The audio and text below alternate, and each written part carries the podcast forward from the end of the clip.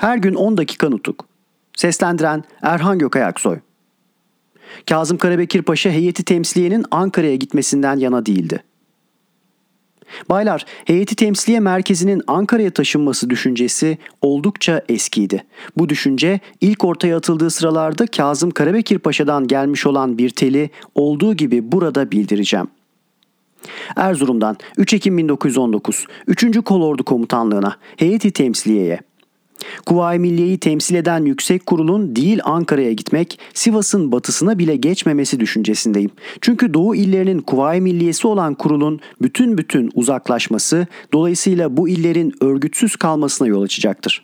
Bundan başka şimdiye değin tam yasal ve mantıklı olarak yönetilmekte olan ulusal eylemin öteden beri her zaman her girişimimizi kötü görmek ve göstermek isteyen düşmanlarımızın yaptıklarını göz önünde tutarak belli bir yerde korunması için heyeti temsiliyenin Sivas'tan batıya geçmemesi düşüncesinde bulunduğumu bilgilerinize sunarım.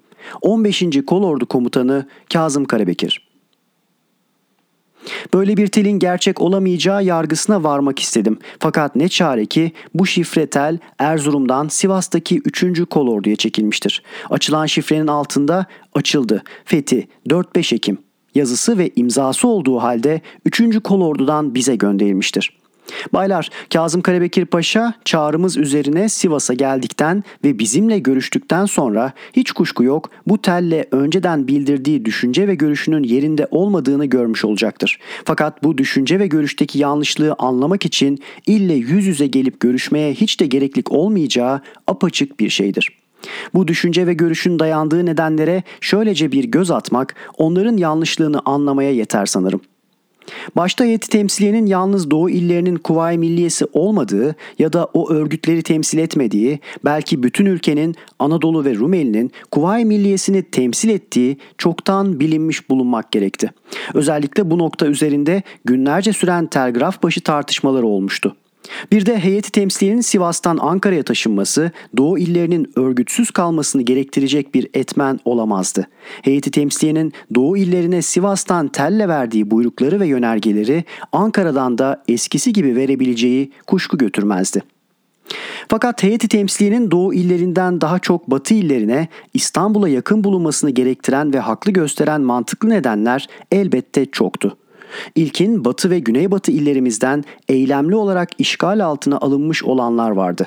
Bu illerimize giren düşman karşısında sağlam savunma cepheleri kurmak ve onların kuvvetlendirilmesini sağlamak gerekti. Oysa doğu illerimizde böyle acıklı bir durum yoktu. Kesin olarak yakın bir eylemli tehlikede doğabileceğe benzemiyordu. Uzak bir olasılığa göre söz gelimi doğudan Ermenilerin eylemli bir saldırıda bulunacağı kabul olunsaydı bile onun karşısında Kuvayi Milliye ile güçlendirilmesi kararlaştırılmış olan 15. Kolordu kendilerinin komutasında hazır bulunuyordu. Fakat İzmir cephelerinde türlü yöntemde komutanlıklar, türlü nitelikte kuvvetler ve türlü türlü olumsuz kaynaklardan gelen dokuncalı etkiler vardı. Adana işgaline karşı daha cephe kurulamamıştı. Genel durum yönetme sorumluluğunu üstüne alanlar en önemli hedefe ve en yakın tehlikeye elden geldiğince yakın bulunmalıdırlar.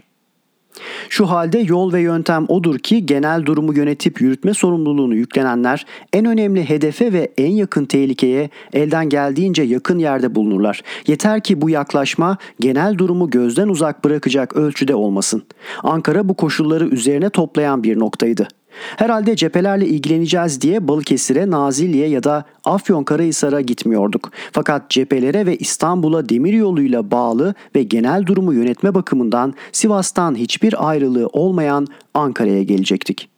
Meclis-i Mebusa'nın İstanbul'da toplanması zorunlu görüldükten sonra ise Ankara'ya gelmenin nedenli yerinde ve yararlı sayılması gerektiğini açıklamayı gerekli görmem.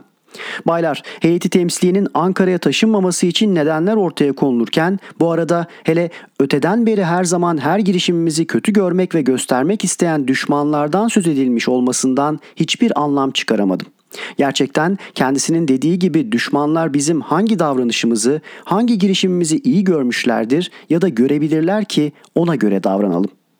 Eğer bu düşünce ve görüşe yol açan İstanbul'da ulusal isteğe uygun davranan bir Ali Rıza Paşa hükümeti vardır. Meclis-i Mebusan da orada toplanarak ulusun ve ülkenin alın yazısını denetlemeye başladıktan sonra heyeti temsiliyenin batı cepheleriyle Meclisi Mebusan'la ilgi ve ilişki kurmasına ne gereklik kalır? Öyleyse heyeti temsiliyenin yalnız doğu illerinin örgütleriyle ilgilenmesi ve bununla yetinmesi daha yerinde ve daha yararlı olmaz mı gibi bir düşünce ve görüş idiyse bir ölçüye dek üzerinde durulabilir. Fakat böyle olunca da genel durumu ve olaylarla koşulların gerçek yüzünü görüşte ve anlayışta heyeti temsiliye ile Kazım Karabekir Paşa arasında doldurulamayacak bir hendek olduğunu kabul etmek gerekir. Heyeti temsiliyenin Ankara'ya gelmesini düşmanlar kötü görecektir noktasında daha çok durularak belki ileri sürülmüş olan düşünce ve görüşün kaynağı ve kökeni daha iyi kavranabilirse de bizim şimdilik buna ayıracak zamanımız yoktur. Yeni milletvekilleriyle Ankara'da görüşme Baylar bundan önce söylediğim gibi bir iki günlük bir toplantı ve görüşme isteğiyle milletvekillerini çağırmak için ilk yazdığımız telde ki bu tel örneğini bir resmi yazı biçiminde basılı olarak da posta ile göndermiştik. Amaç bildirildikten sonra heyeti temsiliyenin bulunacağı bir yerde toplanılacak. Toplantı zamanı ise gönderilecek milletvekillerinin adları ve adresleri belli olduktan sonra haberleşerek kararlaştırılacaktır. Heyeti temsiliye kısa sürede İstanbul'a yakın bir yere gidecektir denilmişti. Ankara'ya varışımızda Ankara Eskişehir demiryolu işlemeye başlamış olduğundan önceki bildirimimize 29 Aralık 1919 gününde yaptığımız bir ekte milletvekilleriyle görüşme yeri olarak Ankara'yı gösterdik ve genelgeyle bildirdik. Bu genelgenin bir maddesi de öteki milletvekillerinden olabildiğince çok kişinin görüşmelere katılmasının pek çok istenmekte olduğu yolundaydı. Baylar sonucunun pek çok yararlı olacağını umduğumuz bu iyicil ve yurtseverce girişimin bile İstanbul hükümeti üyelerince önüne çıkıldığını bilginize sunarsam şaşmazsınız sanırım. İzin verirseniz bu noktayı biraz açıklayayım. Biz milletvekillerini Ankara'ya çağırırken onlar da bir takım kişilerin bu çağrıya gelmemelerini ve tasarlanan toplantının yapılmamasını sağlamak için karşı önlem alıyorlar ve girişimde bulunuyorlarmış.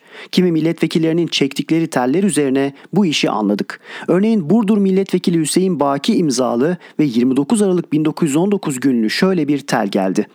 İstanbul'da toplanan milletvekilleri adına Aydın Milletvekili Hüseyin Kazım imzasıyla Teftiş Kurulu Başkanlığına gelen telde en hızlı araçla İstanbul'a gelmekliğimi pek çok gerekli olduğu duyurulmakta ve bugün Dahiliye Nazırlığından gelen telde de yola çıkmaklığım bildirilmekte.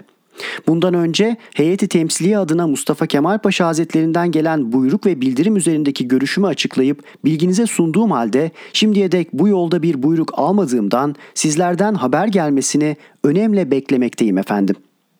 Akdağ Madeni Milletvekili Bahri imzalı ve gene özdeş günlü bir telde de Aydın Milletvekili Hüseyin Kazım imzasıyla gelen telde milletvekillerinin en hızlı araçla İstanbul'a gelmeleri bildiriliyorsa da heyeti temsiliye üyeliğine seçilen milletvekillerinin mi yoksa bütün milletvekillerinin mi çağrıldığı pek anlaşılmamıştır. Tutacağım yolu bildirmek iyiliğinde bulunmanızı çok rica ederim. Buyruk sizindir.'' Baylar buna benzer teller arka arkaya geldi. Bunlardan kolayca anlaşılıyordu ki milletvekili arkadaşlar heyeti temsiliye ile İstanbul hükümetini ve İstanbul'dan bütün milletvekillerini çağırma yetkisini kendinde görebilen kişileri ortak amaçta birbiriyle anlaşmış ve uyuşmuş sayıyorlardı.